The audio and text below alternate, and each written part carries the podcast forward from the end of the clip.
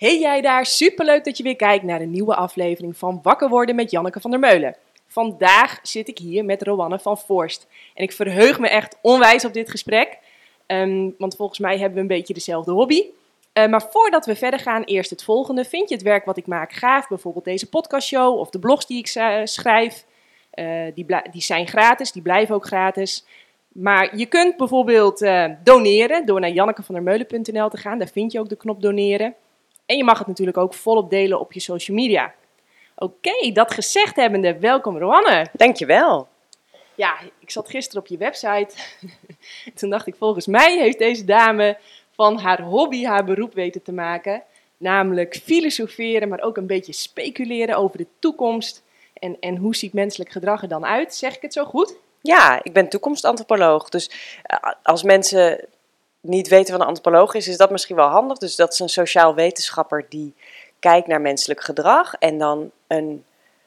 Eigenlijk doe ik dat altijd vanuit de binnenkant. Dus zeg maar een sociaal wetenschapper of een socioloog of zo, die kijkt vanuit de buitenkant van hé, hey, waarom gaan mensen oorlog maken of waarom ontstaat deze trend? En mijn manier van onderzoek doen, antropologisch onderzoek, is echt ertussen gaan wonen. Um, of ertussen leven of hetzelfde doen. Um, als de mensen die ik onderzoek. En dan begrijp ik ze gewoon wat beter vanuit hun zienswijze, zeg maar. Nou, en dat combineer ik met het zijn van toekomstverkenner. Dus ik ben in Nederland ook voorzitter van de Dutch Future Society. Um, ik heb daar opleidingen voor gevolgd, dat je echt wel een beetje gegrond vanuit de theorie um, gaat nadenken over wat is er nou precies aan het veranderen. En dat kan zijn op het gebied van voedsel of de liefde of uh, onderwijs of gezondheid. En hoe gaat dat voelen, vooral voor mensen? En wat gaan we dan doen? Dat is eigenlijk mijn werk. En dat is inderdaad heel leuk.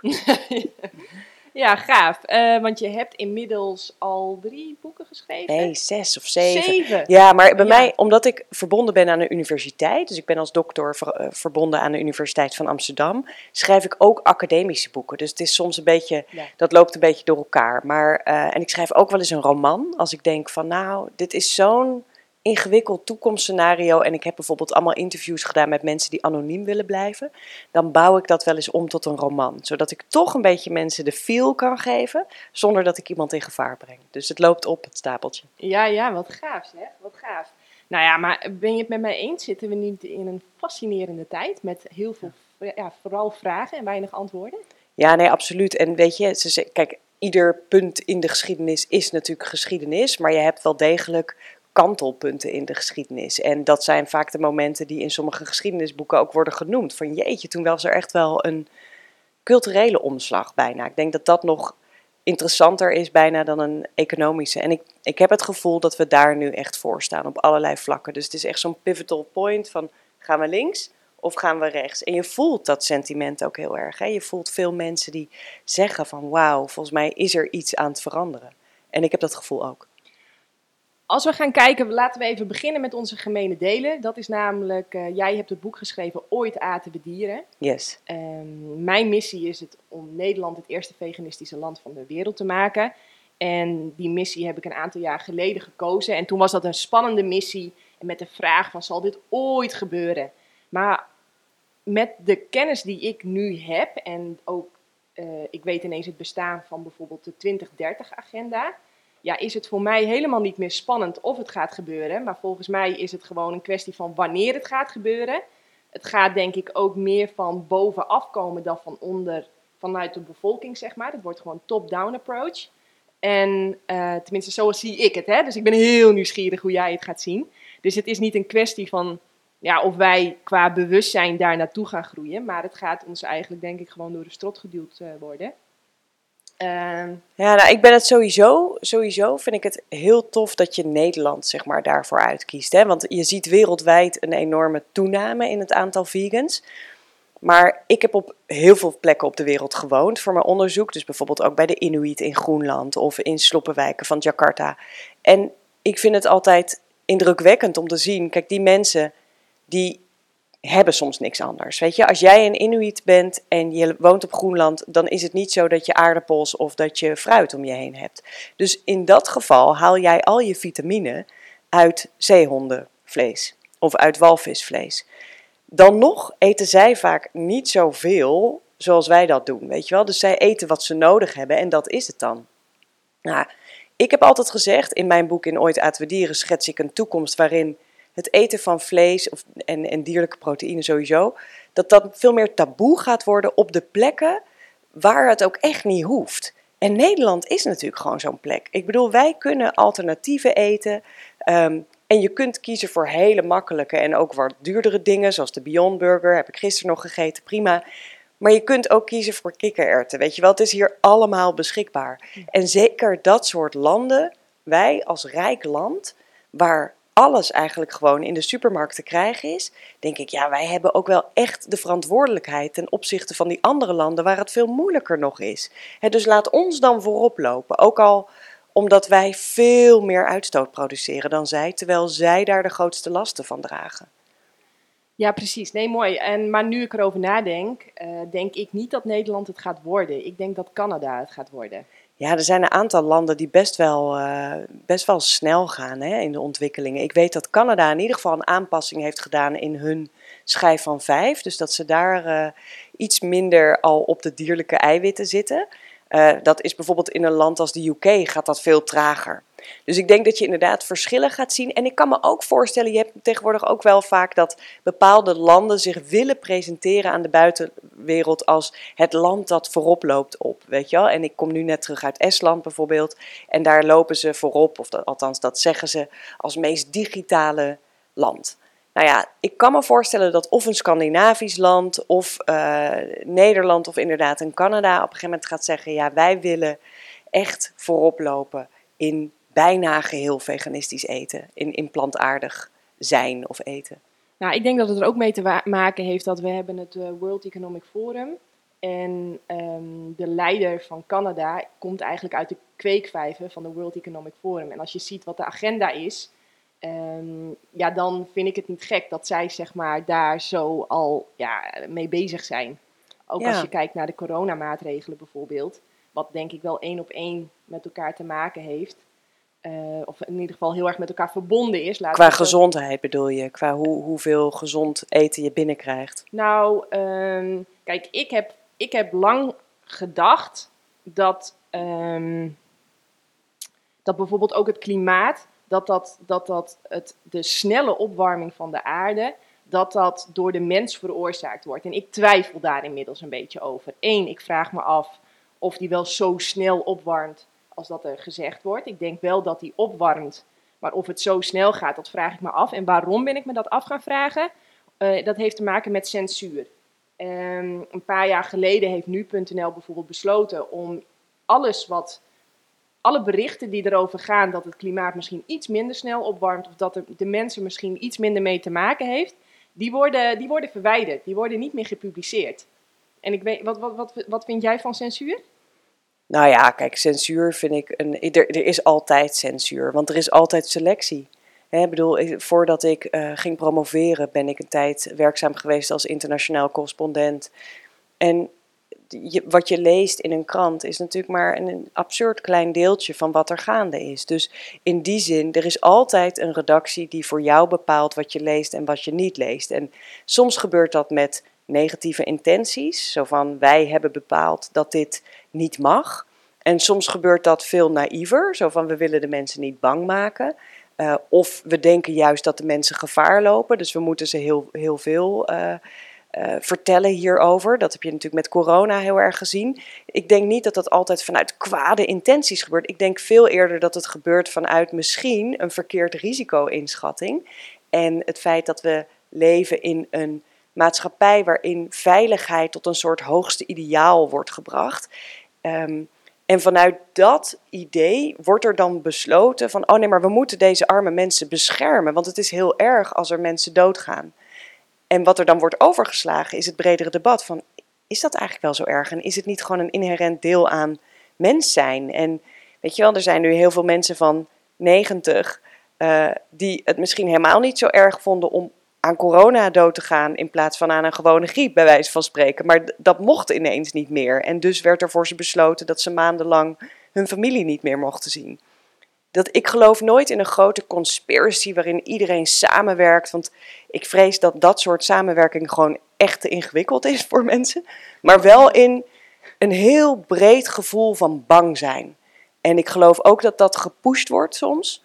Ehm, ook weer niet per se vanuit kwade intenties, maar vanuit het gevoel van wij als politici moeten het land beschermen. Ja, en dan krijg je dus inderdaad een, een deel van de nieuwsselectie te zien. En daar kun je heel kritisch over zijn. En ik denk ook dat dat nodig is. Ja, vertel eens. Nou, ik denk dat er zijn in Nederland best wel platforms geweest die uh, iets meer boodschap gaven aan bijvoorbeeld het coronabeleid. He, die eigenlijk wat rustiger keken naar de cijfers en zeiden, nou, zonder het te willen ontkennen, want het is een hartstikke nare ziekte die je kan krijgen. Je kan er behoorlijk naar van worden, maar het is ook weer niet uh, te vergelijken met een paar van de vreselijkste pandemieën die we hebben gehad. En er is wel op een manier gereageerd die zoveel schade heeft gedaan. En die schade is veel minder goed in, in detail gebracht eigenlijk dan alle statistiekjes over hoeveel mensen het op zouden lopen. Dus met die statistieken is eigenlijk verwarring gekweekt. Hè, dat je zag van heel veel mensen waren besmet. Ja, dat zagen we elke dag in de krant, maar dat is toch eigenlijk niet zo interessant. We houden toch ook niet bij hoeveel mensen aan griep besmet zijn. Het is alleen maar interessant om te zien hoeveel mensen die eigenlijk sterk en fit waren, zouden eraan doodgaan. Maar dat, dat werd al veel minder vertoond. En daarnaast kreeg je een soort ja, angst zaaien door steeds maar te weten wat er in andere landen gebeurde. En, en wat er niet zo goed werd gemeten was, hey, wat gebeurt er eigenlijk met al die jongeren die ineens thuis moeten blijven? Of wat is het effect van elkaar niet meer kunnen lezen op straat? Ik bedoel, iedereen die weet, nu we een aantal jaar Zoom hebben gebruikt om alle contact te hebben, dat je ehm, als je op Zoom bijvoorbeeld les geeft, ik, ik geef les aan de universiteit, en ik ben best nog wel een jonge, hippe docent die goed met Zoom kan werken. Dus ik ben, denk ik, oké als docent in die jaren geweest. En toch merkte ik dat er dingen werden gemist.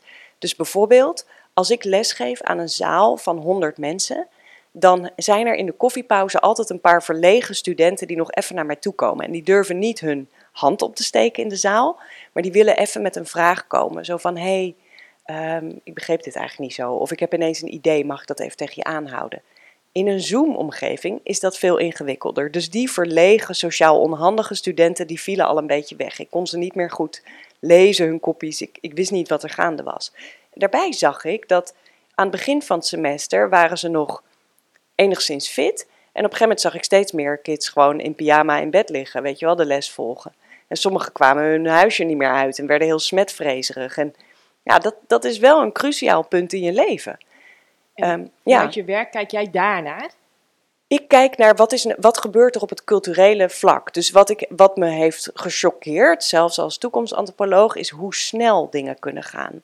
dus hoe snel het als normaal kan worden gezien dat een, uh, dat een familielid bijvoorbeeld bij mij thuis zou komen en mijn dochtertje van 20 maanden, die op schoot probeert te kruipen, zou wegduwen uit angst voor besmetting.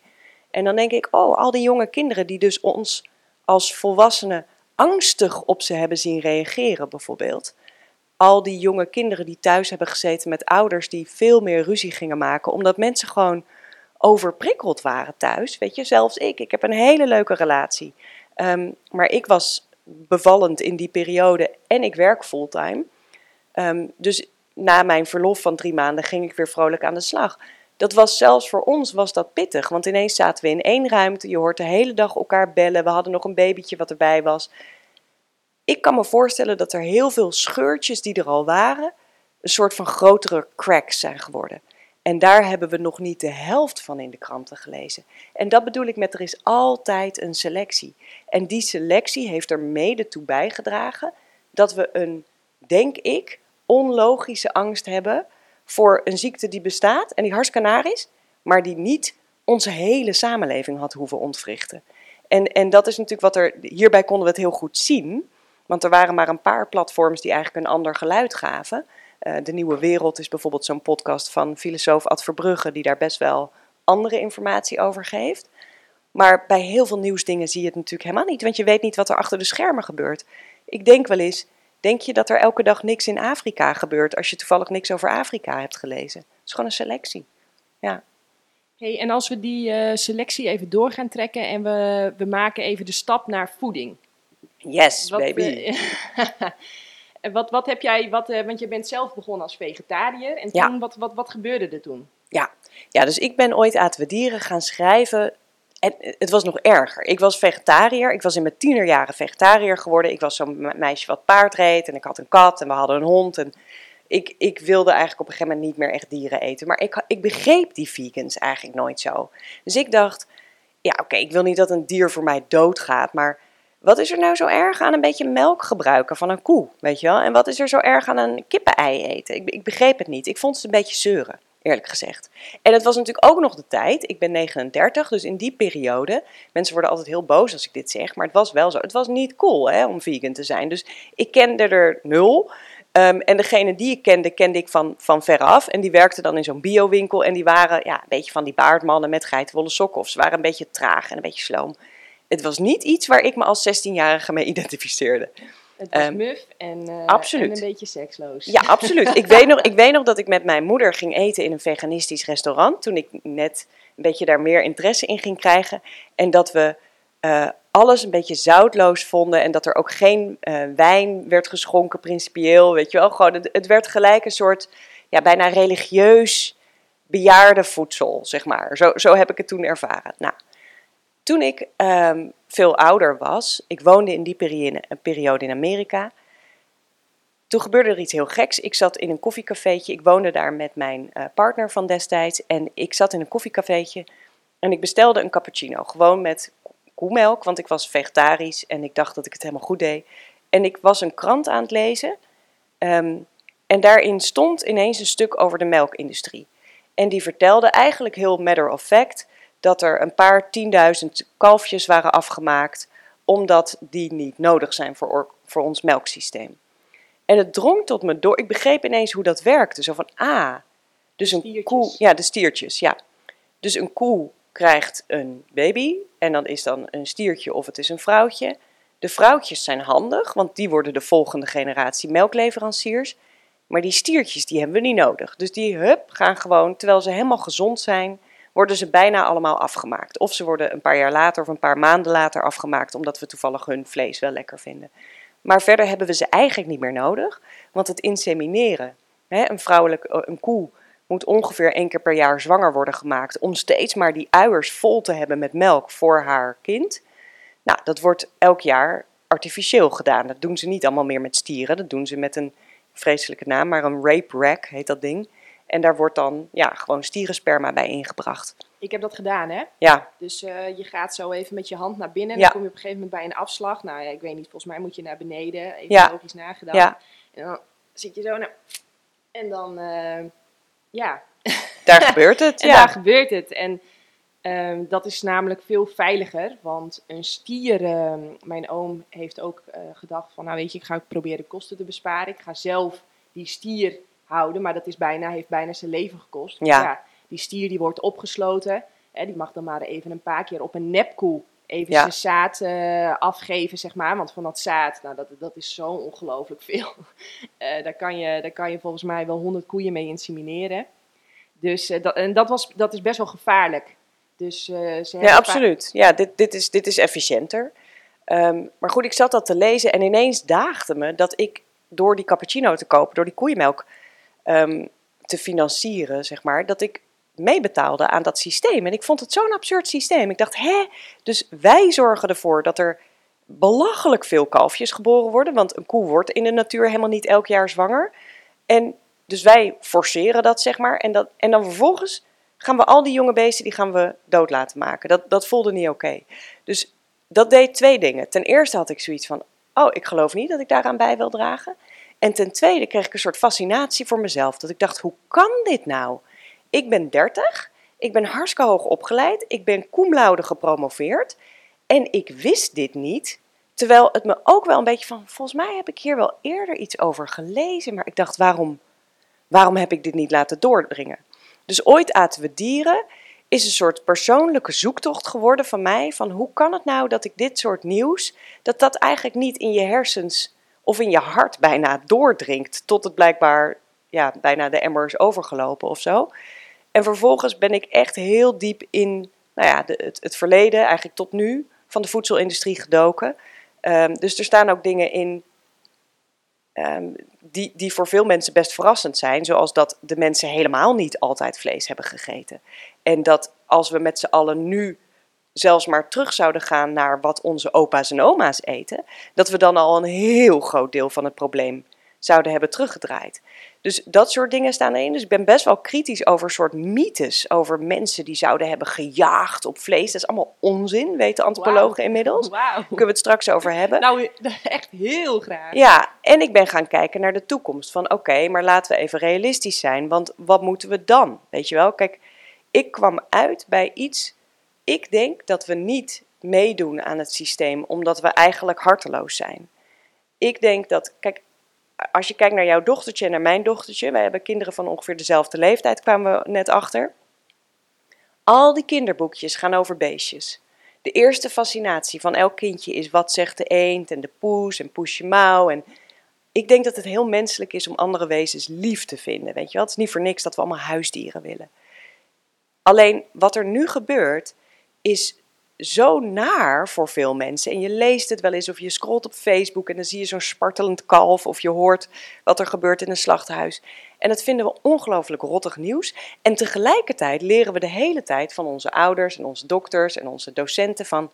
Ja, maar melk heb je nodig of vlees heb je nodig, zeker als je sport. ik sport ook heel veel, ik klim, dus dan heb je toch die eiwitten nodig.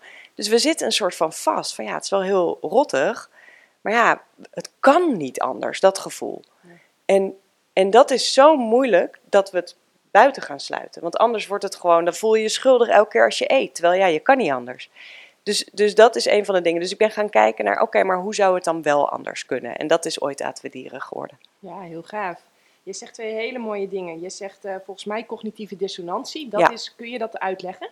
Ja, cognitieve dissonantie is eigenlijk in het boek noem ik het uh, de bodyguards van je hersens dus wat er gebeurt is eigenlijk je hersens zijn een voorspellingsmachines. En eh, wat die hersens doen, of wat je ego doet, of, is eigenlijk jouw behoeden voor allerlei vervelende dingen die er kunnen gebeuren. En dat kan een val zijn, dus daarom ben je eigenlijk altijd al een beetje vooruit aan het kijken naar letterlijk je volgende stap.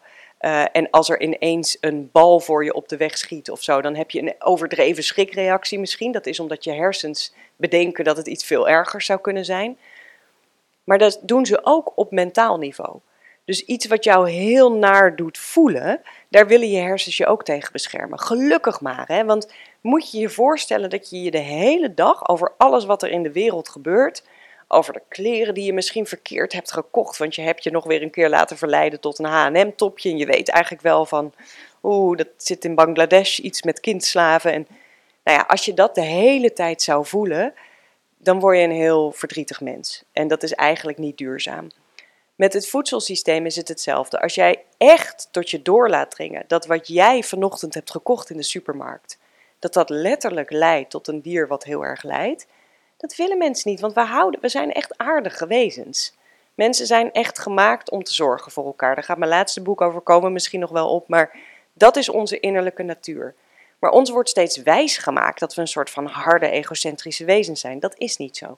Die cognitieve dissonantie is er speciaal voor als er iets niet klopt in jouw brein of onprettig voelt, dan gaat het het goed maken met een verhaal. Dus dat is het tweede wat weer brein doet, is eigenlijk een grote verhalenmachine.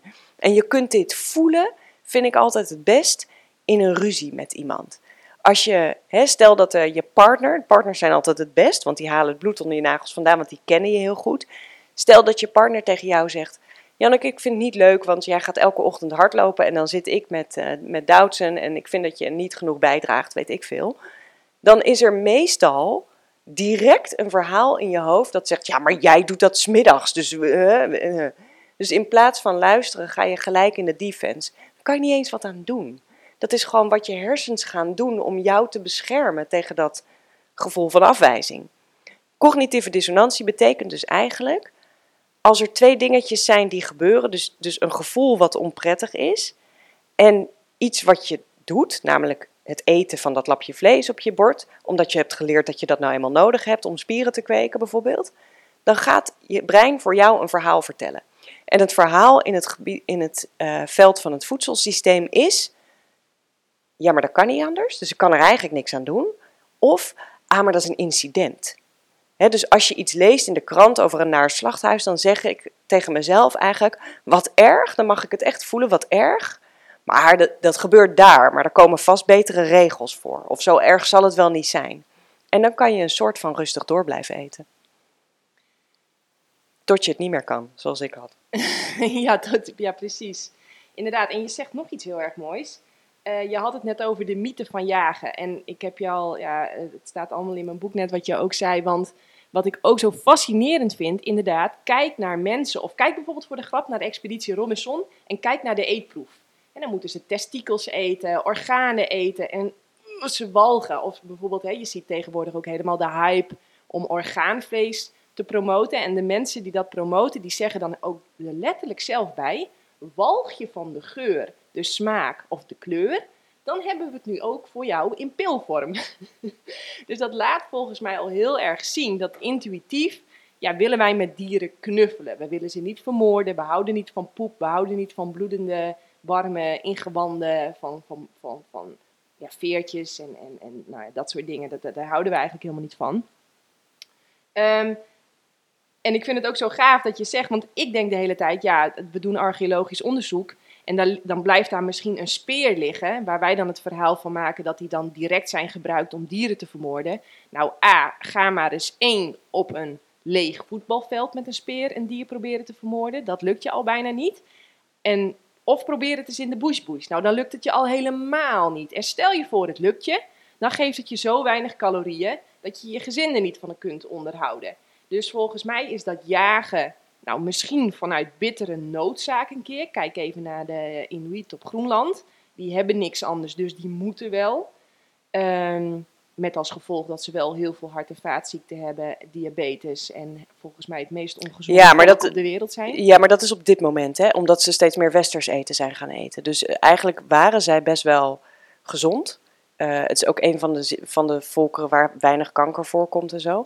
Maar ze hebben inmiddels ook snackbars en daar gaan ze gewoon helemaal kapot aan. En daarbij zijn de zeehonden die zij eten inmiddels zo vervuild dat zij hele hoge metalen in hun bloed hebben daarvan.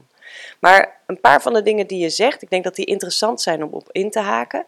Um, ik ga even de deur dicht. Ja, ik hoor hem ook uh, klapperen. Ik klets gewoon lekker door. Nee, wacht even. Oké. Oh, dan haal je hem eruit.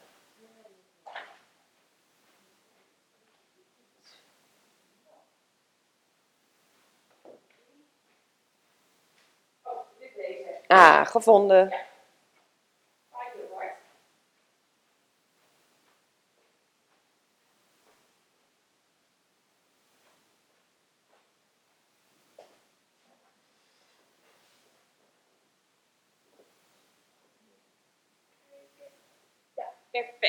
Yes. Oké, dus een paar van de dingen. Want ik denk dat het is wel belangrijk om ons te realiseren dat wat wij, hè, waar we van walgen, is natuurlijk ook cultureel bepaald. Dus je krijgt ook dingen aangeleerd. Dus als ik nu bij een Chinees ga eten en ik krijg letterlijk eendenpootjes, dan vind ik dat afschuwelijk. Maar een Chinees zal dat uh, met smaak verorberen, want daar zijn ze aan gewend.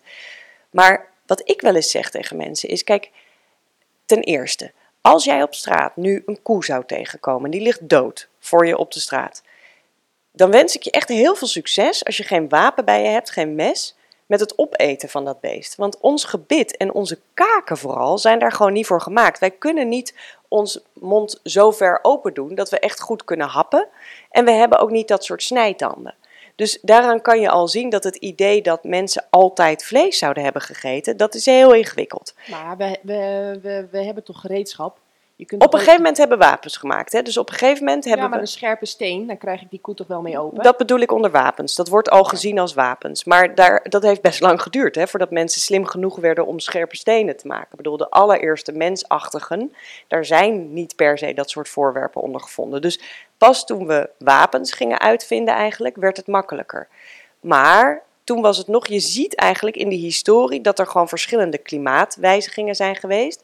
En daarbij passend, en passend bij wat voor wapens mensen toen al hadden, ehm, is er bepaald eten bij geweest. Dus er zijn perioden geweest dat mensen voornamelijk fruit, knollen, Eh, en misschien wat zaden aten als die daar waren. Er zijn perioden geweest dat die daar helemaal niet meer waren, omdat er een klimaatverandering was geweest. En toen zijn mensen inderdaad kleine diertjes gaan eten, vaak mensen, dieren die gewoon makkelijk te vangen waren. Of we waren scavengers. Dus dat betekent dat een ander dier het grote dier al heeft gevangen. En dat wij de restjes van de botten, die waren overgebleven, na zo'n feestmaal voor een leeuw of weet ik veel wat er toen leefde, dat wij die opaten. Dus niet het hele heldhaftige idee met inderdaad achter je spier, met, je speer achter een mega groot beest aan, hoogstens een vogeltje of een visje. En verder heel veel knollen. En je ziet ook dat in de periode waarin er meer vlees gegeten werd, hebben we eigenlijk eerst wat meer noten gegeten. En dat is belangrijk geweest voor ons darmsysteem. Want in noten zit veel vet. Mensen waren helemaal niet zo gewend om veel vet te eten. En als ze ineens waren overgegaan naar heel veel vlees, dan hadden ze waarschijnlijk enorme darmkolieken gekregen. Dus die noten hebben die darmen eigenlijk al heel langzaam een beetje klaargemaakt voor het eten van vlees. En je ziet ook dat de darmen veranderd zijn. Dus in de loop der historie zijn we in staat geworden om veel vlees te eten. En dat zie je nu echt. Dus de darmen van nu zien er anders uit dan de darmen van heel lang geleden. Maar de vroegere mens at helemaal niet altijd vlees. Hmm. Ik weet niet of ik het met alles wat je zegt eens ben. Maakt ook niet uit, hè? Ik, kan je in mijn boek nalezen, hè? Dus dan kan je ook netjes de bronnen. En dan, en dan, dan kan je daar goed naar kijken of je daar uh, vindt dat ik goed onderzoek heb ja, gedaan. Ja, daar twijfel ik niet aan. Ik, ik, ik zit alleen eventjes met... Um, uh, want als ik nu naar onze darmen kijk, die zijn nog steeds relatief lang en kronkelig. Um, dan denk ik, en als ik zie hoe ongelooflijk veel darmkanker er is, dan denk ik, nou, volgens mij hebben die darmen zich nog helemaal niet aangepast. Want... Nee, maar er is een hormoon bijgekomen wat het makkelijker maakt om vlees af te breken.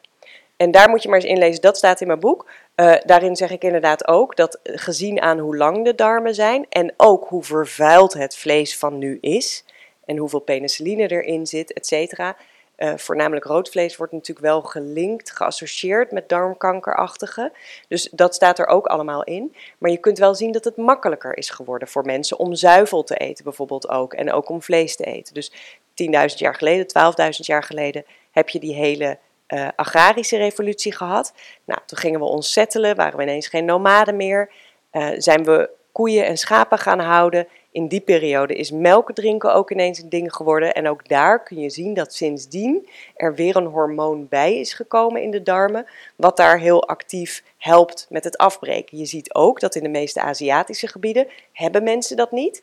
En zijn ze dus ook hartstikke intolerant na hun negende maand. Dus na de zoogperiode eigenlijk van een normaal zoogdier. Ja, ja Gaaf. Hey, maar nog even terug naar de mythe van jagen. Wat is dan de mythe van jagen? Nou, dat we nooit jagers zijn geweest. Dus we zijn eigenlijk altijd scavengers geweest, dus, dus restjeszoekers.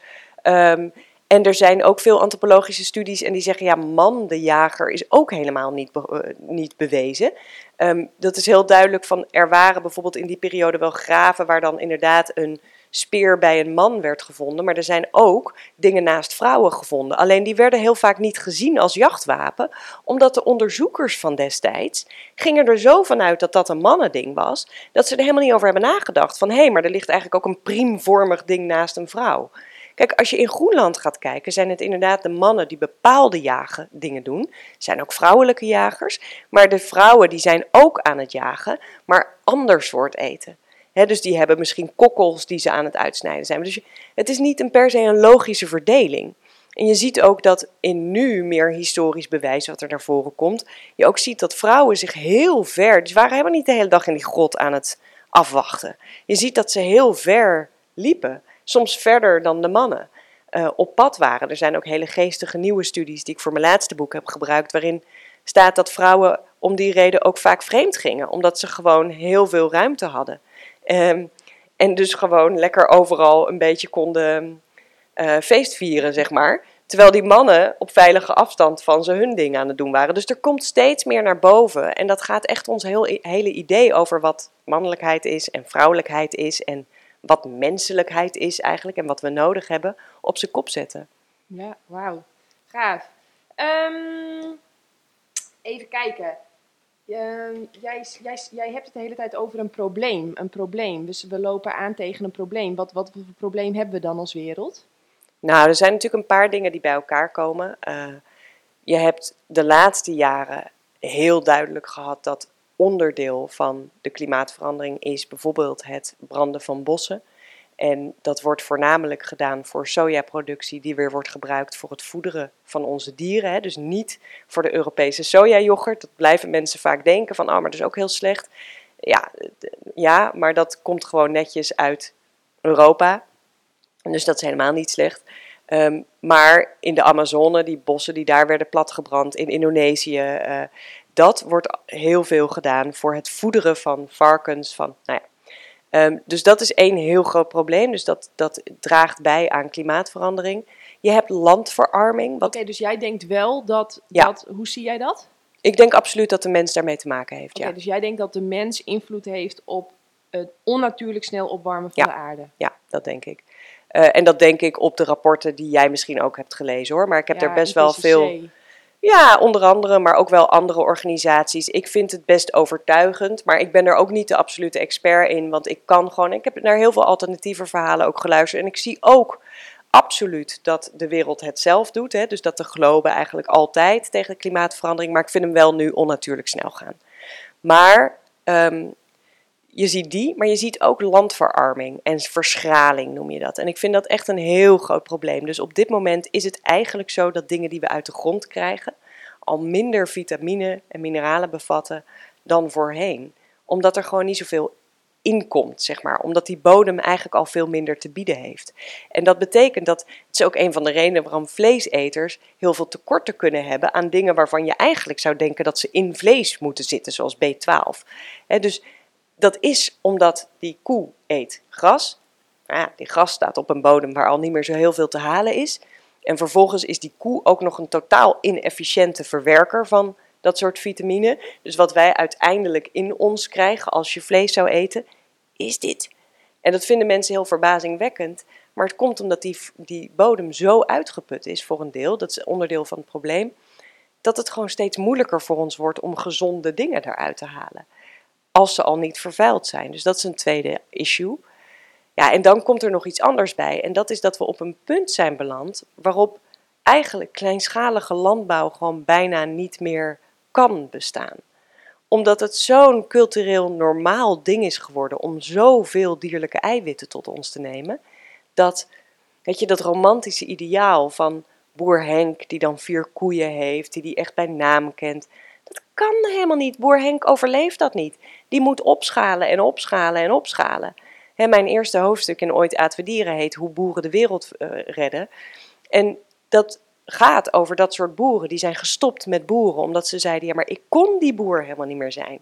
En ik moest met mijn dieren omgaan op een manier die echt niet aardig of vriendelijk was. Ik heb mijn varkens moeten mishandelen, ook al ben ik officieel een biologische, um, circulaire varkensboer. Dus dat soort interviews met, met hele dappere veehouders die zelf zeiden: Dit systeem dwingt mij om iemand te zijn die ik helemaal niet wil zijn. Nou, daar zitten we met z'n allen in. Want niemand wil die megastallen. Niemand wil dat. Niemand vindt dat prettig. Maar we blijven maar denken: ja, het kan blijkbaar niet anders. Of, ja, maar ik koop toch mijn vlees bij de biologische slager, dus dan, dan is het toch beter? Maar ja, die gaat gewoon naar hetzelfde slachthuis. Alleen dat staat niet zo duidelijk op het pakketje. Jij hebt, uh, jij, uh, uh, jij hebt voor je boek heb jij heel veel boeren geïnterviewd. Ja, hè? ja. Wil je daar kort iets over vertellen? Want het is natuurlijk op dit moment een super actueel thema, de boer. Ja. Zonder boer geen voer. Nou ja, dat, dat, daar, daar, Dat is discutabel. dat is discutabel. Ligt ja. eraan wat voor voer. Nee, Precies. absoluut. Ik, ik vond dat ook heel belangrijk. Ik, ik zie de boeren op zich echt. Ik ben het niet helemaal eens met, met de manier waarop er nu protest wordt, wordt eh, gehouden. Maar ik snap wel echt hun frustratie. Want die mensen zijn zo klemgezet door het systeem. Met supermarktprijzen die belachelijk laag zijn voor een liter melk. Voor, door een overheid die de hele tijd van beleid wisselde. Ehm, en een economisch systeem waarin ze dus steeds groter moesten. En ja, dat betekent dat je je koeien sneller af laat maken. Hè. Dus bijvoorbeeld, koeien worden in Nederland gemiddeld vijf jaar eh, melkkoeien, want dan zijn ze helemaal op. Nou, in de natuur worden ze veel ouder, kunnen ze tegen de 20 aanlopen. Uh, kippen worden meestal een paar weken en dan zijn ze al zo groot dat ze niet meer kunnen staan. dus die hebben we echt gecreëerd. Een soort koeien trouwens ook. Hun uiers worden soms zo groot dat ze geen stappen meer kunnen zetten. Nou, dat, dat wil natuurlijk niemand. Die boeren willen dat ook niet. Die willen ook niet zoveel penicilline geven. Maar het moet wel, want ze zitten met zoveel beesten bij elkaar dat ze anders aan elkaar gaan knabbelen en dan ontstaan er wondjes en dan gaan die wondjes niet over. Wat ik ontdekte met die boeren, nou, ik zal je één kort voorbeeld geven. Was een fantastische varkensboer. Die boer wilde worden om het helemaal anders te gaan doen. Dus hij is met zijn vrouw, echt een cool jong stel, verhuisd naar het platteland. Zo van wij gaan gewoon de beste zorg voor onze dieren leveren. En dan kan je bij ons gewoon goed vlees. En dan gaan we ook zelf doen. En ik ga ze ook zelf schieten. dat ik gewoon echt ze aankijk en dat ga doen. Ik ga gewoon betrokken zijn bij mijn dieren. Dat werd een hit. Mensen kwamen van heinde en verre om daar lekker die varkentjes te zien scharrelen. En die wilden heel veel geld betalen, want dat was goed vlees. En die boer zei: Ik werd steeds depressiever achter de schermen. Want wat niemand zag, was dat ik eens in de zoveel maanden al die varkens in een truck moest duwen. En dan begonnen ze al te schreeuwen en te piepen, want ze wisten dat er iets naars ging komen. En die beesten, dit zijn zijn woorden, vertrouwden mij, want ik was gewoon natuurlijk lief met ze normaal. Dus die deden het wel, maar die waren wel bang en soms ging ik ze dan schoppen en hij schaamde zich daar vreselijk voor. Maar hij zei, ja, ik, ik moest, weet je, dan was ik al uren met ze aan het worstelen. En dan ging ik naar het slachthuis en dan was het gewoon één geschreeuw en gespartel. En het duurde veel te lang en nou ja, het was alles wat hij niet wilde zijn en hij was toch in dat systeem meegegaan. En dan zei hij, en dan kwam ik thuis en dan had ik weer een rij vol klanten die voor dat vlees heel veel geld wilden neerleggen en die ook echt dachten dat het goed was. En dat was het ook formeel. Nou, hij is niet alleen gestopt met de veehouderij of met de varkenshouderij, maar ook een veganistische boer geworden. Dus hij is meer een tuinierder, hij doet lupinebonen onder andere.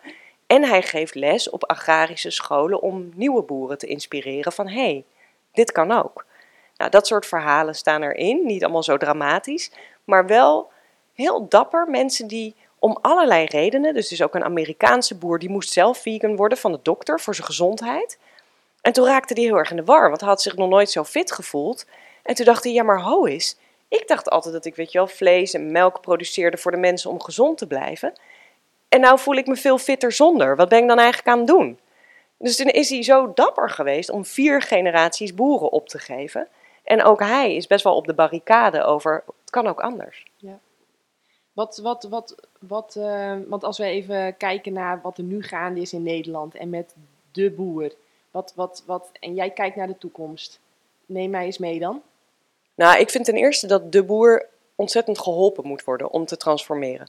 Want ik denk dat het protest wat je nu ziet, kijk, ik ben het niet eens met de agressie en ik ben het er ook niet mee eens hoe de overheid en de politie erop reageren. Ik vind dat ze best veel tolereren. Ik denk dat je empathisch kan zijn op een hele andere manier. Maar ik denk wel eens, sorry, maar als het um, Nederlands-Marokkaanse jongeren waren die op de snelwegen zouden gaan barbecuen en de hele boel platlegden, dan waren we er veel strenger op geweest. En nu zegt de politie, ja, maar kunnen niet ingrijpen, want dan... Hè, dus dat vind ik best lastig om te zien. Um, omdat ik denk dat er een soort vreemde voortrekking gaande is. En dat vind ik niet oké naar andere groepen die misschien ook heel veel frustratie voelen. Maar die boeren, ik snap wel waarom ze boos zijn. Want dit is hun levensberoep. Ja, maar we, we gaan naar de toekomst. Hoe, zie jij, hoe zie jij de toekomst dan voor je? Nou, wat ik zou willen zien is dat ze worden geholpen. Zoals ook in andere landen en waar ik ook voorbeelden van geef. Om de dieren bijvoorbeeld niet meer nieuwe dieren erbij te kopen sowieso. Hè, dus om langzaam af te gaan bouwen.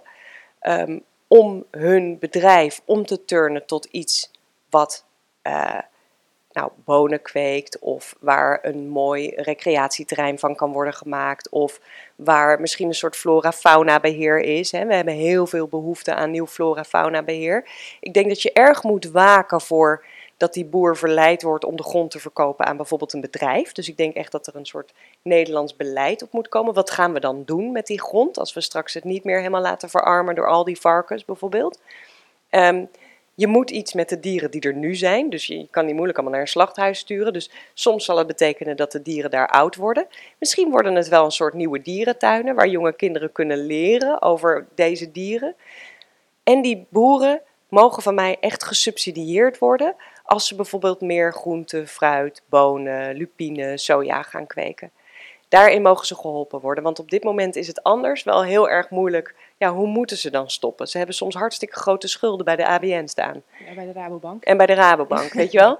Dus, dus, dus dat is echt een hele lastige. Uh, dus ik, verdien, ik vind dat ze support verdienen. En je ziet ook, ik, ik noem een boer in de UK bijvoorbeeld. Bij hem is dat gebeurd. Zijn koeien werden netjes naar een andere plek gebracht waar ze oud mochten worden. Hij werd zelf geholpen om zijn land helemaal om te turnen tot plantaardig boeren. Met nog een paar koeien die daar rondlopen voor de koeienmest. En daar is hij echt een paar jaar bij bijgestaan. En zijn bedrijf floreert nu. En hij durfde het ook vanwege die support. Dus in mijn optiek zouden we toegaan naar langzaam afbouwen, langzaam die grond bepalen waar we dat dan wel voor willen gebruiken. Flora, fauna, bosbeheer, we kunnen veel bossen gebruiken. Ehm, en misschien nog een soort kleinschalige, circulaire, hè, waar, waar, waar dieren rondlopen voor de grond. Dat zie ik voor me. Ja, oké. En hoe lang denk jij dat het, uh, want als ik het, als ik het goed vertaal, zeg maar even of ik het goed gehoord heb, dan gaat dat dier dus helemaal uit het voedselsysteem. Ja, weet je, ik, vind dat, ik blijf dat een hele lastige vinden. Ik heb daar veel over gesproken met wetenschappers in Wageningen. Die zijn natuurlijk altijd voor een circulair voedselsysteem waarin ze zeggen, we houden juist de dieren, maar het wordt allemaal kleinschalig. En mijn enige kritiek daarop is um, dat als we geen cultuurverandering hebben, waarin het duidelijk wordt dat we gewoon veel te veel dierlijke proteïne eten en dat er heel veel nadelen zitten aan dierlijke proteïne eten, dan willen we met z'n allen helemaal niet naar kleinschalig. En als wij het blijven eten, wil China het ook blijven eten, zeg maar. Dus hoe gaan we dan voorkomen dat het gewoon grootschalig wordt? Dus ik vind dat een soort naïef idealistisch idee van ja, maar het kan ook heel kleinschalig. Nee, dat kan alleen als er bijna een taboe opkomt. Dus als vlees eten echt zou worden gezien zoals roken inmiddels. Wat je in mijn tijd gewoon nog deed op een kinderverjaardag. Met z'n allen zaten we te paffen. En inmiddels, als iemand dat zou doen, zou dat worden gezien als asociaal. Nou, als we dat hebben, nou, dan kan je misschien voor een paar exclusieve mensen die daar heel veel geld voor willen betalen, hun eigen koe laten lopen.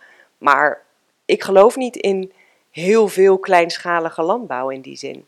Ook al ben ik niet de grootste bodemexpert, maar meer vanuit cultureel perspectief gezien denk ik, als wij het zo blijven doen, dan kom je niet uit bij iets schattigs en kleinschaligs. Dan kom je uit bij Chinese varkensflats van acht verdiepingen. Want dat is de enige manier om de mensen wereldwijd te blijven voeden zoals wij nu in Nederland eten. Ja, dus we moeten af van het uh, idee dat het normaal noodzakelijk en natuurlijk is zeg maar, om dieren te eten. Ja. Dat, daar moet even een streep door. Ja. Want uh, nou, natuurlijk is het waarschijnlijk niet. Hè? Ook als jij uh, de studies die jij hebt gelezen. Uh, nou, noodzakelijk is het ook helemaal niet. Ik bedoel, jij en ik zijn het bewijs. en, ja, er komt gelukkig ook steeds meer naar buiten hè, over.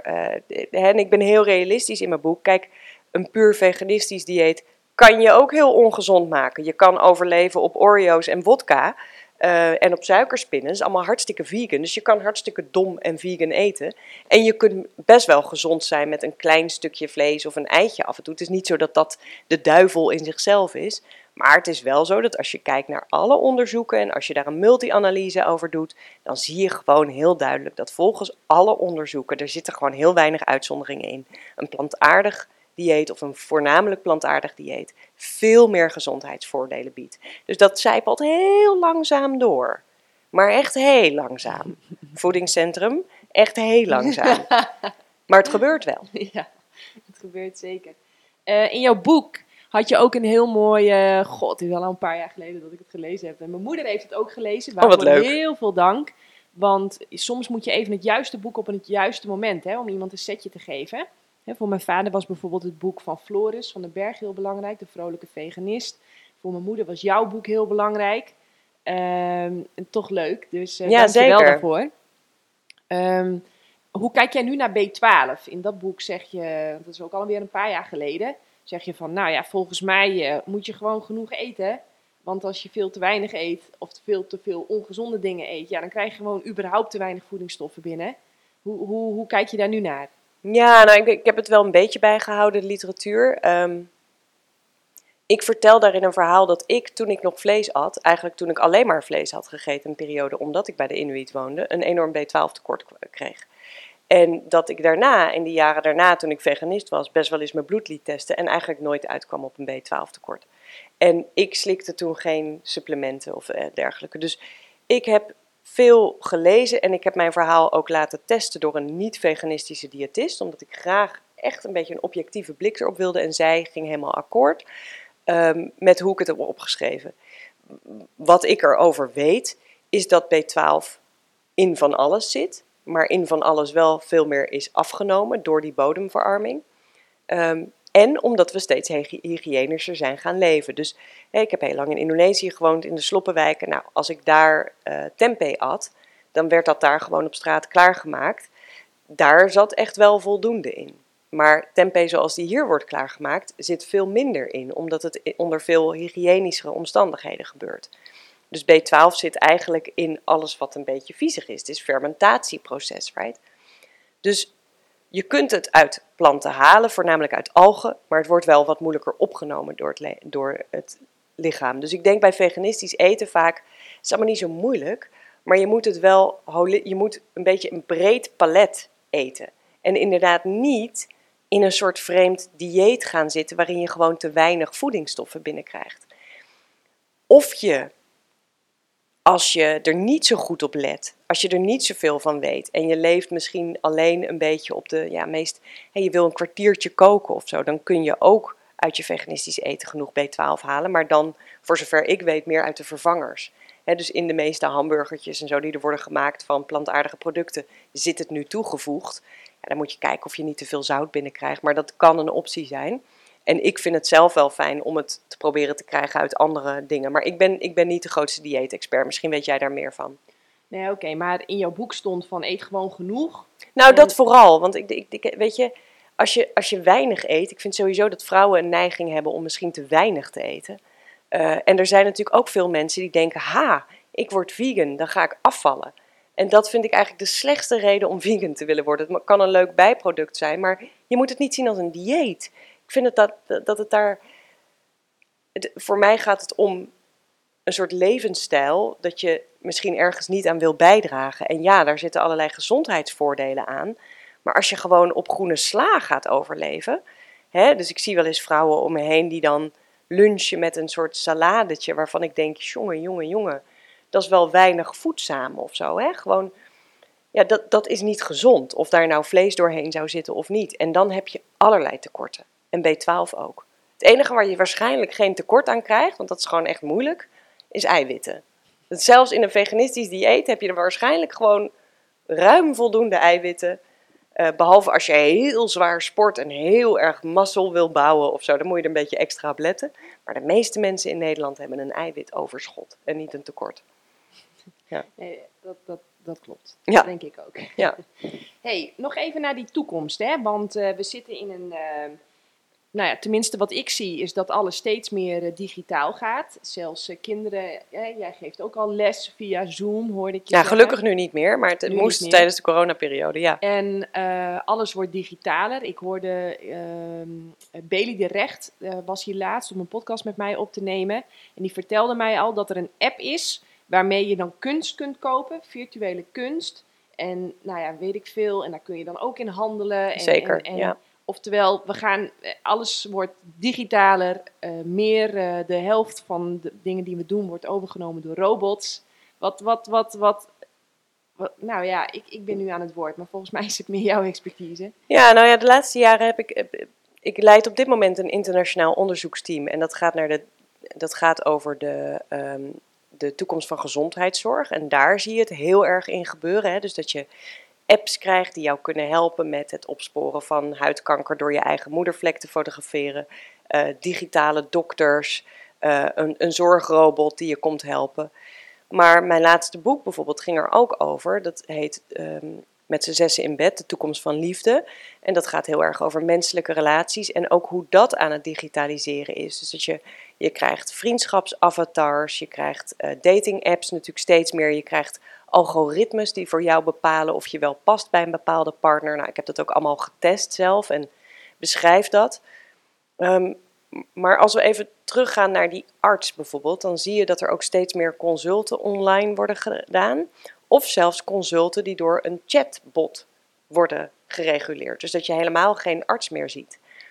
En wat eigenlijk in al mijn onderzoek naar voren komt, wat ik belangrijk vind, is. Er zitten voordelen aan soms. Weet je wel, soms is het gewoon heel fijn. Als ik precies weet wat ik wil, dan is het fijn dat ik even mijn arts kan bellen en haar een foto kan sturen. Omdat ik zeg, joh, dit is weer datzelfde eczeemplekje wat opkomt. Uh, kan je daar een zalfje voor uitschrijven, bijvoorbeeld? Dat zou kunnen. Maar we vergeten soms wat er wegvalt. En het is heel moeilijk te zien, ook voor mij theoretisch als academisch, om aan te tonen wat we niet meer zien of wat er weg is gevallen. Want dingen worden zo snel normaal. Net zoals de mythe dat je vlees nodig hebt om gezond te zijn. Dat is normaal en voor je het weet voelt dat als de natuur. Als je denkt aan een huisarts, dan doet hij natuurlijk veel meer dan alleen maar kijken naar dat eczeemplekje. Als jij naar een goede huisarts gaat, dan heeft diegene vaak een soort vingerspitsgevoel opgebouwd. Zeker de wat oudere, ervaren artsen, die weten dat er misschien nog iets anders met jou aan de hand is. Dus als jij ineens overal uitslag krijgt en jij komt daar en je zegt ja, het is gewoon, het is gewoon uh, eczeem, dan weet een goede arts van ja, maar dat kan ook door stress. En die zal vragen stellen of die kijkt eens naar jou en die ziet een doodmoeie jonge moeder en die denkt, hmm, hoe zit het eigenlijk met dat slaapgebrek? En die maakt daar toch eens even een notitie van, bijvoorbeeld. Nou, dat soort dingen. Of veel oudere artsen die ik sprak, die zeiden, ik ruik. Ik kan het ruiken of een patiënt helemaal gezond is of niet. En daardoor kan je twee mensen die er op zich hetzelfde uitzien, je weet gewoon, met die man is iets. Met haar is alles oké, maar met die man is iets. Nou, dat soort dingen, daarvan wordt de hele tijd door de technologie, door de producers geschermd dat de technologie dat gaat overnemen. Maar het punt is dat de technologie dat niet kan. Kunstmatige intelligentie is sowieso een enorme mindfuck, dat woord. Want het heeft niets met intelligentie te maken. Tenminste, niet zoals we het nu definiëren als mensen. Kunstmatige intelligentie kan heel goed patronen herkennen. Dus het kan heel goed uh, zien welke kleurtjes bij elkaar horen. En dat een kiwi iets anders is dan een mandarijn. En dat kan het sneller vaak dan mensen. Wat het niet kan, is contextueel denken. Dus het kan niet, als het ineens iets oranjes ziet, wat er heel erg op lijkt, maar dat heeft een net iets andere huid of zo, denken, ah, maar dat is eigenlijk een plastic balletje.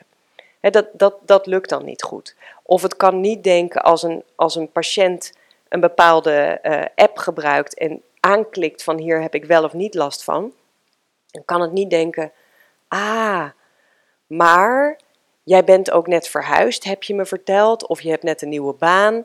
Misschien loop jij wel tegen een burn-out aan, want dat neemt het niet mee. Het neemt alleen mee wat de mens erin heeft gelegd. En daar zie ik eigenlijk in mijn onderzoek steeds enorme dingen mee fout gaan. En dat is iets waar, ja, weet je, ik ben voor technologie op zich. Ik vind het leuk, ik vind het cool. Uh, ik was misschien ook niet dit beroep gaan doen als ik toekomstdingen niet leuk vond.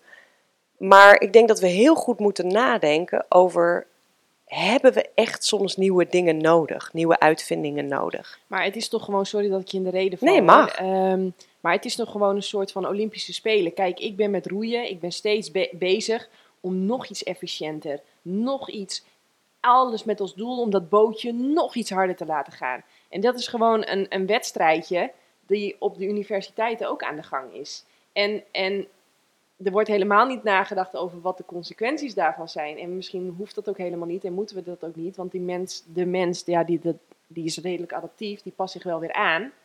Ehm, maar dat, ja, dat, ja, ik vind, stoppen. Ik, ik, vind dat je iets fantastisch zegt. Want er, er zit iets heel interessants. Maar er, we zijn constant op zoek naar een soort efficiëntere manier. Hè? Dus of het nou efficiënter is om een partner te zoeken dan gebruik je gewoon dit algoritme en dan weet je het zeker. Dan, dan pas je bij elkaar. En in de gezondheidszorg is het ook steeds van, nee, maar als we dit nu invoeren, dan wordt die zorgkosten die worden lager. Alleen heel vaak wordt er niet echt, dat wordt wel geroepen, maar het bewijs is nihil dat dat ook echt zo is. Dus om je een voorbeeld te geven. Alles wordt nu heel erg op risicopreventie gedaan. Dus je ziet in allemaal landen dat we ons DNA moeten gaan laten meten en dan krijg je gepersonaliseerd leefstijladvies. Alleen wat eruit komt, is dat we mensen ontzettend bang maken, want dan heb je een iets verhoogde kans in jouw DNA en dan ga je dat vertellen. En dan denkt zo'n persoon de hele leven, oh, ik heb heel veel kansen op dit en er gebeurt helemaal niks. Want het is voor mensen heel moeilijk om die statistiek te doen. Nou, als je dat de hele tijd denkt, dan denk ik wel dat er uiteindelijk wat gaat gebeuren. Nou, precies. Dan krijg je op een hele andere manier, krijg je in ieder geval heel veel stressgerelateerde klachten. En daar komt ook weer van alles bij kijken. Maar een tweede assumptie die er bijvoorbeeld vaak wordt geroepen is, nou, als we dan uh, alles gaan dataficeren, uh, dan kunnen we mensen beter bijstaan. En dan kunnen we bijvoorbeeld uh, mensen eerder waarschuwen dat ze echt moeten stoppen met roken, et cetera. Er zijn ook onderzoekers die zeggen, ja, maar de rokers kosten ons systeem niet zoveel geld, want die gaan gewoon vroeg dood. Dus eh, weet je, je kunt wel mensen allemaal dwingen om langer te leven, maar dat wordt duurder. Dus wat willen we nou precies? Weet je, dus soms moet je oppassen met het geloven van dat soort mythes dat we richting efficiëntie aan het werken zijn. Want waar komt die roep vandaan? Vanuit mensen die de technologie hebben bedacht, die daar zogenaamd bij gaat helpen. Dus die mensen hebben een andere agenda. Weet je, ik, het, ik weet niet of je wel eens in een outdoor winkel komt, maar ik kom als klimmer regelmatig in zo'n bever of zo. En dan valt me altijd op dat je daar hebberig wordt voor dingen waarvan je niet wist dat je ze nodig had. Zo van, ah, handig, een slaapzak met een rietje erin. Ik wist niet dat het bestond, maar nu wil ik hem. Weet je gewoon een soort van oplossingen worden bedacht voor problemen die eigenlijk niet echt bestaan. Maar ze lijken wel heel cool of zo. En dat zie ik ook een beetje met heel veel technologie die in de zorg of in de liefdeswereld of in de vriendschapswereld worden bedacht. Dat je denkt van, hmm, leidt dit nou werkelijk tot efficiëntie en was dit een probleem? Of wordt het nu zo geframed dat dit gaat helpen? Terwijl misschien het, het je ziet het vaak met één, één voorbeeld nog, met duurzaamheidsdingen. En dan worden er allemaal hele mooie duurzame circulaire producten op de markt gebracht.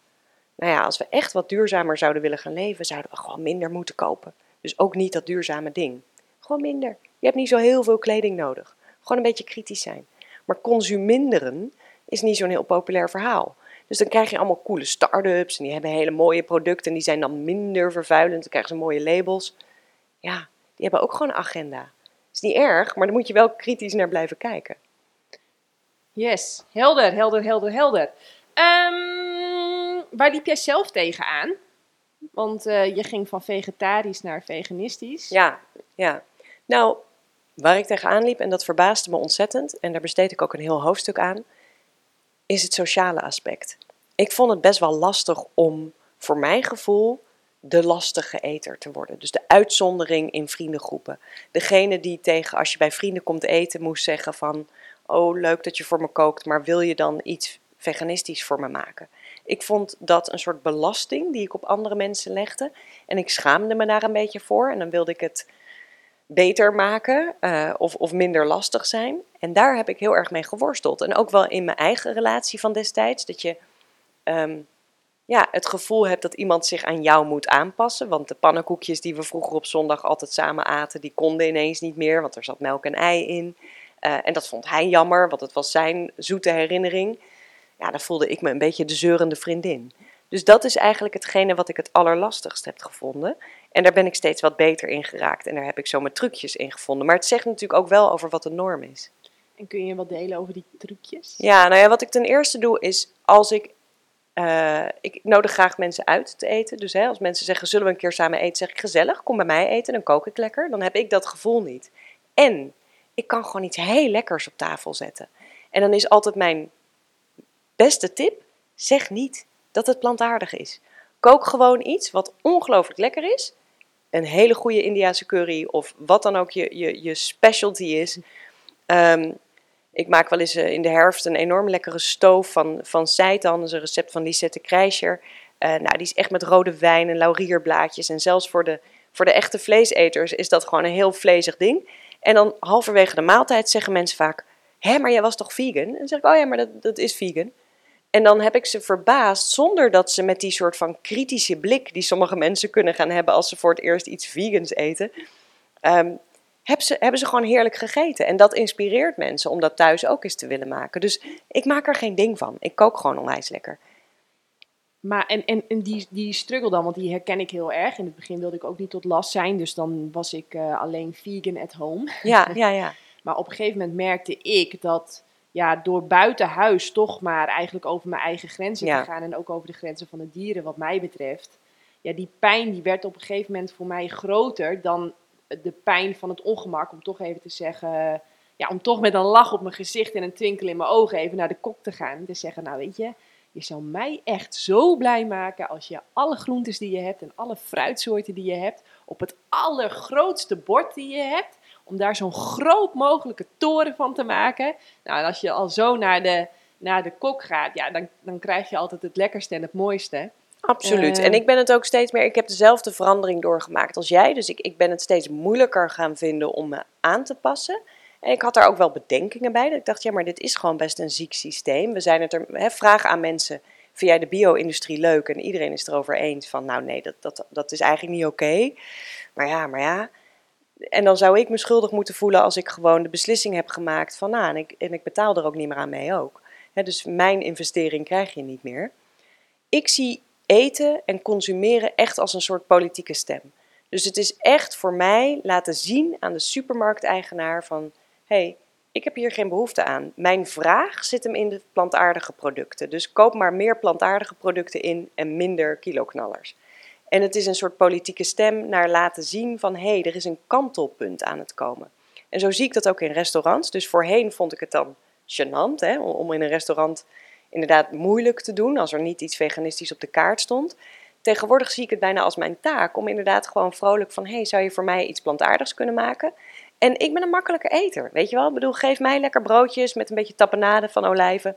Hartstikke gezellig als voorgerecht. Geef me een lekkere pasta met een rode saus. Die was al vegan namelijk. de, soms klinkt het label ook heel intimiderend, terwijl heel veel dingen zijn natuurlijk gewoon al vegan. Um, dan vind ik dat ook heerlijk. En ik heb natuurlijk geluk in deze tijd. Het wordt steeds makkelijker. De beste chefs, de beste restaurants vinden het vaak juist ongelooflijk leuk. Of zijn al helemaal op plantaardig eten overgegaan. Ik heb laatst in een sterrestaurant gegeten wat helemaal plantaardig was. In Nederland, Nijmegen. De nieuwe winkel heet dat. Um, dus dat komt steeds meer voor. Dus het is, ik denk elke keer als ik dat vraag aan een ober, um, dan maakt hij een soort mental note van hé, hey, ja, het is nou al de derde deze maand die iets vraagt. En dan zal je zien dat er twee maanden later staan er ineens twee plantaardige gerechten op de kaart. Ja, gaaf. Gaaf, heel leuk. Leuk om te horen. Uh, later als ik groot ben, dan wil ik graag een boek schrijven over de liefde. Uh, nou, met de tijd die ons te wachten staat, uh, ja, volgens mij een heel belangrijk boek. Want heb jij een, een, een idee wat daarin moet komen te staan, met alles wat ons te wachten staat? Ja, nou ja, ik heb mijn best gedaan om het zelf te schrijven. Dus dan kan jij het vervolg schrijven en dan schrijf jij de sequel. Um, ja, nou een paar dingen. Kijk, er zijn allerlei technologische veranderingen. Er is, uh, hè, en wat ik net zei, van ik heb ook heel veel getest. Van liefdesdrugs tot aan seksrobots, tot aan uh, het huren van een menselijke vriend. Nou, dat zijn allemaal trends die op dit moment aan het opkomen zijn. En die ik heb getest en ook echt heb gevoeld van wat doet het met mij als ik een paar weken echt een vriendschap met een kunstmatige intelligentie opbouwt. En daar kwamen ongelooflijk interessante dingen uit, maar wat er ook uit voortkwam was meer bijna mijn eigen respect voor de liefde. Dat ik dacht, wat een gekke tijd eigenlijk dat we met z'n allen zo trots zijn geworden op het onafhankelijk zijn. Of we denken vaak dat we onafhankelijk moeten zijn. En misschien is dat wel onderdeel van hetzelfde probleem als het voedselding of zo, begin ik te denken. Omdat ik zou voorstellen dat we met z'n allen een afhankelijkheidsverklaring doen. Want weet je wel, je hebt altijd zo'n zo'n adagium zo van je sterft alleen en je wordt ook alleen geboren. We worden helemaal niet geboren alleen. Ik bedoel, ik was er zelf bij. Ik heb mijn dochtertje geboren laten worden. Dat deed ze niet alleen. Die kwam door mij heen. En als zij de eerste paar dagen niet heel intensief gevoed en geknuffeld en uh, verzorgd was geweest, dan was ze dood gegaan waarschijnlijk. Of zwaar mentaal gestoord geworden als ze wel eten had gekregen. Dat komt uit alle onderzoeken waar dat helaas wel gebeurt met kinderen voor. Mensen kunnen niet overleven zonder andere mensen. Het is net zoiets als eten of drinken, weet je. je hebt, het is echt een basisbehoefte om te zorgen en verzorgd te worden. Om van iemand te houden. Het hoeft niet een romantische partner te zijn. Het kunnen ook een aantal hele goede vrienden zijn. Maar je moet een aantal intieme contacten hebben om je goed te kunnen voelen. En dat betekent dat je daarvan afhankelijk bent. En dan bedoel ik niet financieel, maar wel dat je toelaat van ja, als het met jou niet goed gaat, dan heb ik daar ook een roldag van. En als ik boos ben op jou, dan, dan laat ik maar daar mijn hele werkdag door verstoren. Want je bent gewoon hartstikke belangrijk voor me. En dat ik weet niet, ik was altijd zo'n vrouw die heel trots was op haar zelfstandigheid. En iedereen vond mij ook heel cool dat ik in mijn eentje over de hele wereld reisde. En ik begin steeds meer te denken van ja, maar misschien ben ik nu wel op een punt in mijn leven dat ik veel meer die afhankelijkheid voel. En niet alleen met mensen. Denk van wat cool, wij zijn met elkaar verbonden. Weet je, jij betekent veel voor mij. En je maakt me blij als het met jou goed gaat. En ik wil jou daarin supporten. En ik voel dat met vrouwen om me heen. Maar ik voel het ook, en dat vergeten we de hele tijd, met bomen. Zonder het heel zweverig te maken. Gewoon, ik heb de zuurstof nodig. Weet je wel, ik heb die boom nodig. Als we alle bomen gaan kappen, dan kan ik niet meer ademen. Dus we zijn verweven. En ik denk wel eens dat we dat misschien te veel zijn vergeten. Dus het boek is uiteindelijk ook een pleidooi geworden tegen eenzaamheid. En voor ja, meer je durven openen naar toch dapper zijn en kwetsbaar zijn en een echte ontmoeting aangaan. En dat betekent dat je me kan kwetsen. Maar het betekent ook dat als het lukt, dat we echt een, ja, zo'n contact hebben, weet je wel? Dat je met iemand in een café zit en denkt, wauw, wat een cool gesprek. En dat is volgens mij waar je het meeste het gevoel van hebt dat je leeft. Wauw. Dus uh, doe er alles aan, wat de regelgeving ook is, om die menselijke verbinding intact te houden. Ja, en ik heb voorbeelden joh, van vrienden die met elkaar huizen gaan delen. Um, uh, vriendinnen die voor elkaar blijven zorgen tot de dood. En die dat ook zo hebben gedaan dat ze ook bij elkaar de stekker eruit mogen trekken als het zover is. Die zeggen van nee, wij zijn geen romantische partners. Maar waarom zou ik het bed moeten delen? Ik deel de keukentafel en mijn hart, weet je, met deze persoon. Dus er zijn allerlei manieren. En ik heb veldwerk gedaan onder uh, mensen die, die veel meer mensen een liefdesrelatie hebben. Dus je, je kan allerlei vormen vinden. Pas een kies een vorm die bij jou past. Maar veel toekomstvoorkenners zeggen: in de toekomst zitten we allemaal in een soort silootje. En dan heb je alleen maar via chat heb je de hele dag contact. Dus dan heb je toch ook contact. Nou, wat ik op Instagram doe, dat is meer leeg maken van een moe hoofd. Dan werkelijk contact hebben. En wat ik op WhatsApp doe ook. Dus ik zou zeggen, laten we daar niet naartoe gaan. Laten we gewoon technologie gebruiken waar die handig is. Maar gewoon echt koffie drinken met die ene lieve vriendin, weet je wel? Of een wandeling maken met je lief, ja. Oké, dus heb echt regels voor jezelf. Uh, hoe vaak uh, bezoek je je ouders, of bezoek je je broer of zus, of bezoek je... Uh... Nou, ik heb het niet zo kwantitatief, maar ik heb het wel, ik heb wel op een gegeven moment voor mezelf... Kijk, ik werk in de wetenschap en ik ben teamleider en ik heb een aantal mensen voor mij werken in een team... En in mijn vakgebied is het heel normaal om keihard jezelf over de kop te werken. En er is een punt geweest in mijn carrière dat ik om acht uur de deur uitging s'avonds en daarom s ochtends om acht uur was. En dat ik de eerste was die de deur uitging. En dan nog schaamde ik me eigenlijk een beetje dat ik naar huis ging. En toen dacht ik, ja, maar dit is, niet, dit is een manier van werken die ik heb aangeleerd gekregen. Op school beginnen we daar al mee. Je wordt eigenlijk klaargestoomd om een soort werk slaaf te zijn. Om, wat je leert is gehoorzaam zijn, niet heel kritisch zijn, bepaalde standaarden uit je hoofd leren. En je leert al van heel vroeg dat je, hoe het is om stil te zitten.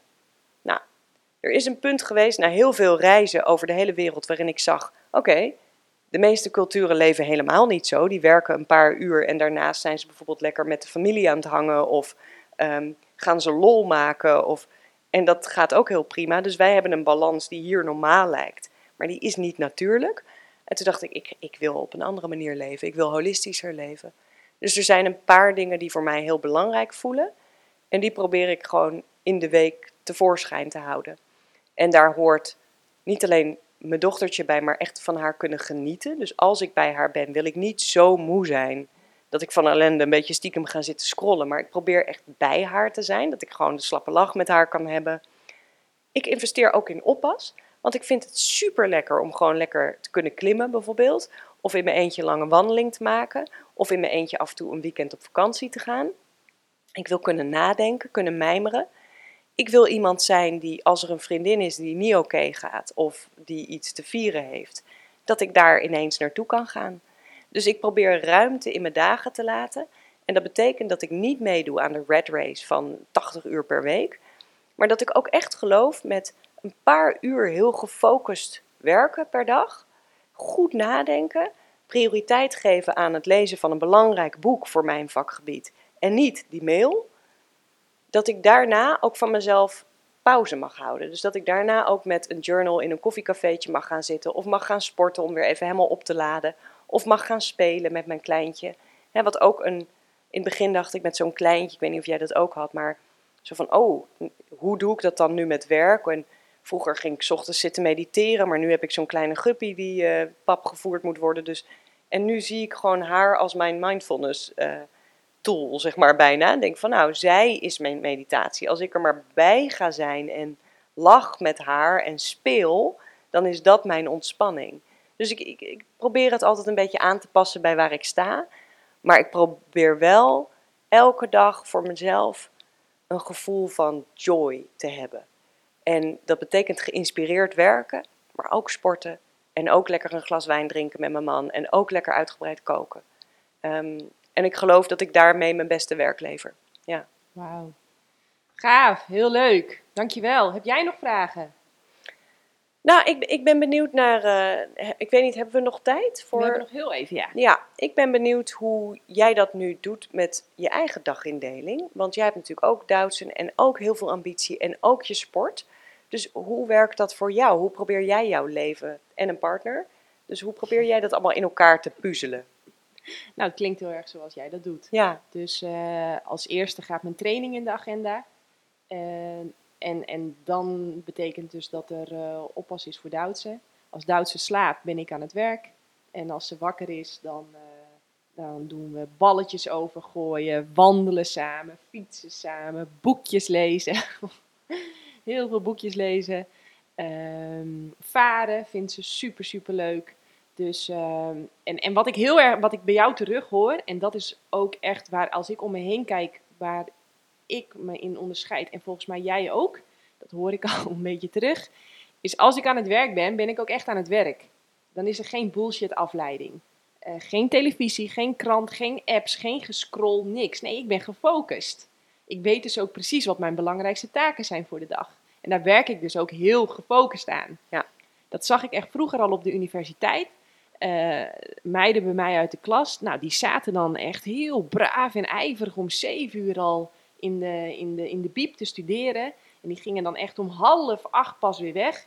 Nou, en ik was daar dan ook twee uurtjes en dan haalde ik hogere cijfers. En dan dacht ik, ja, weet je, volgens mij heb ik in twee uur meer gedaan dan in die hele lange hè, wet van Parkinson. Geef jezelf kaders. Dus eerst trainen, hè, vanochtend ook. Ik heb al getraind. De eerste training 1 heb ik al in de pocket. Maar ook qua eten. Ik ga niet de hele tijd opnieuw verzinnen wat ik ga doen. Nee, het is gewoon standaard een groene smoothie. Klaar. Lekker. Super gezond. Zit alles in wat ik moet hebben. En, ehm, en de grap is, als mensen mij horen praten, en dat, dat snap ik ook wel, dan klinkt dat rigide en dan klinkt dat als, als, als. Terwijl als ik dan om me heen kijk, dan ik word ook heel vaak overgeslagen in de gesprekken. Want ja, er is geen drama, er is geen stress, er is geen relatieshit, er is geen ongezondheid. Weet je, dus het, het, het, ja, ik moet daar nog even betere woorden voor vinden. Ja, nee, maar ik snap wat je bedoelt. En ik denk ook dat binnen de, binnen de kaders, dus bijvoorbeeld, ik heb twee dingen denk ik moeten leren. Eén is dat bijvoorbeeld ik zie klimmen bijna als onderdeel van mijn werk. Want omdat ik lekker er twee uur tussenuit ga om lekker te trainen, ben ik helemaal gefocust op een route die ik wil doen. Ja. Kom ik met een schone geest terug. En dan ineens schiet me een goed idee te binnen. Ja, Dus absoluut. hoezo moet ik dat van 8 tot 10 s'avonds gaan doen? Ik doe dat gewoon tijdens mijn werkdag, want ik doe denkwerk. Dus ik moet goed zorgen. Het is gewoon mentale Ja, training. Absoluut, Dus dat is absoluut. ten eerste. En ten tweede, wat ik vaak doe, is wel. Ik heb, maak bijvoorbeeld wel ruimte voor beweging elke dag, maar ik mag dan wel in het moment voelen waar ik behoefte aan heb. En soms is dat klimmen, en soms is het lekker even een wandeling maken van anderhalf uur met eentje, weet je wel. En omdat ik dat mag voelen, voelt dat heel intuïtief en niet zo rigide. Ja, ja, en dat is ook een fijne manier, vind ik zelf. Ja, nee, dat heb ik precies hetzelfde. Ja. ja, leuk. Dus vrijheid bestaat binnen kaders. Zeker. Net als een voetbalwedstrijd alleen maar interessant is omdat het doel op de vaste plek zijn en de lijn op de vaste plek liggen. Ja, En daarom ontstaat er spel. absoluut. En ehm, daar heb ik in eh, de podcast met Bram Bakker ook wel Oh, veel leuk, ja. Dus ehm, ja, dus eh, zo doe ik dat. En verder weet ik eigenlijk ook niet zo goed hoe ik het doe, maar ik doe het gewoon. En, eh, en veel hulp vragen natuurlijk, dat hoor ik jou ook zeggen. Dus eh, vraag hulp. En ehm, wat ik jou ook hoor zeggen, ik ben de belangrijkste persoon. Dus ik zorg in eerste plaats heel goed voor mezelf. Dus niet voor mijn kind. Nee, ik zorg heel goed voor mezelf. Ja, mijn kopje is zo ongelooflijk vol. Het klotst als het ware over de randen. Ja, dan kun je, dan kun je geven. Uit een vol kopje kun je schenken. Dus eh, in de eerste plaats echt altijd heel goed voor mezelf zorgen. En ik denk dat dat dus super sociaal is. Absoluut. Ja, nee, ik Want merk- daar ma- dat maakt mij een leuke partner. Dat Ja. maakt mij een leuke om mee samen te werken. Absoluut. Ik heb de, moeder. de woensdag vaak als studiedag voor mezelf eh, geblokkeerd. En dan mag ik gewoon van mezelf uren ongestoord een boek voor mijn werk. Maar dat vind ik gewoon een, een boek wat me op dat moment inspireert. Ik mag daar lekker notities over maken. Ik mag daarover mijmeren. Ik mag veel te dure koffie in een of ander café kopen voor mezelf. Ik mag mezelf uit lunch nemen. Nou, op die avonden ben ik helemaal stralend van geluk. Dat merken mijn man en mijn kind natuurlijk ook. Eh, ik ben heel leuk tegen mijn eh, PhD's die ik begeleid. Weet je wel? Dus natuurlijk, als je je zo voelt, ben je je beste zelf. Ja, dus eh, dat, dat is, dat is hoe ik dat doe. Ja, leuk, cool. Had je nog een vraag? Nee, dat was het. Oké, super. Dan ronden we het af. Jij heel erg bedankt voor het kijken en of luisteren. Vind je dit gaaf? Deel het dan volop op je social media. Je mag natuurlijk ook naar jannekevandermeulen.nl gaan. Daar vind je de knop doneren. En dan zou ik zeggen tot de volgende keer. Doei!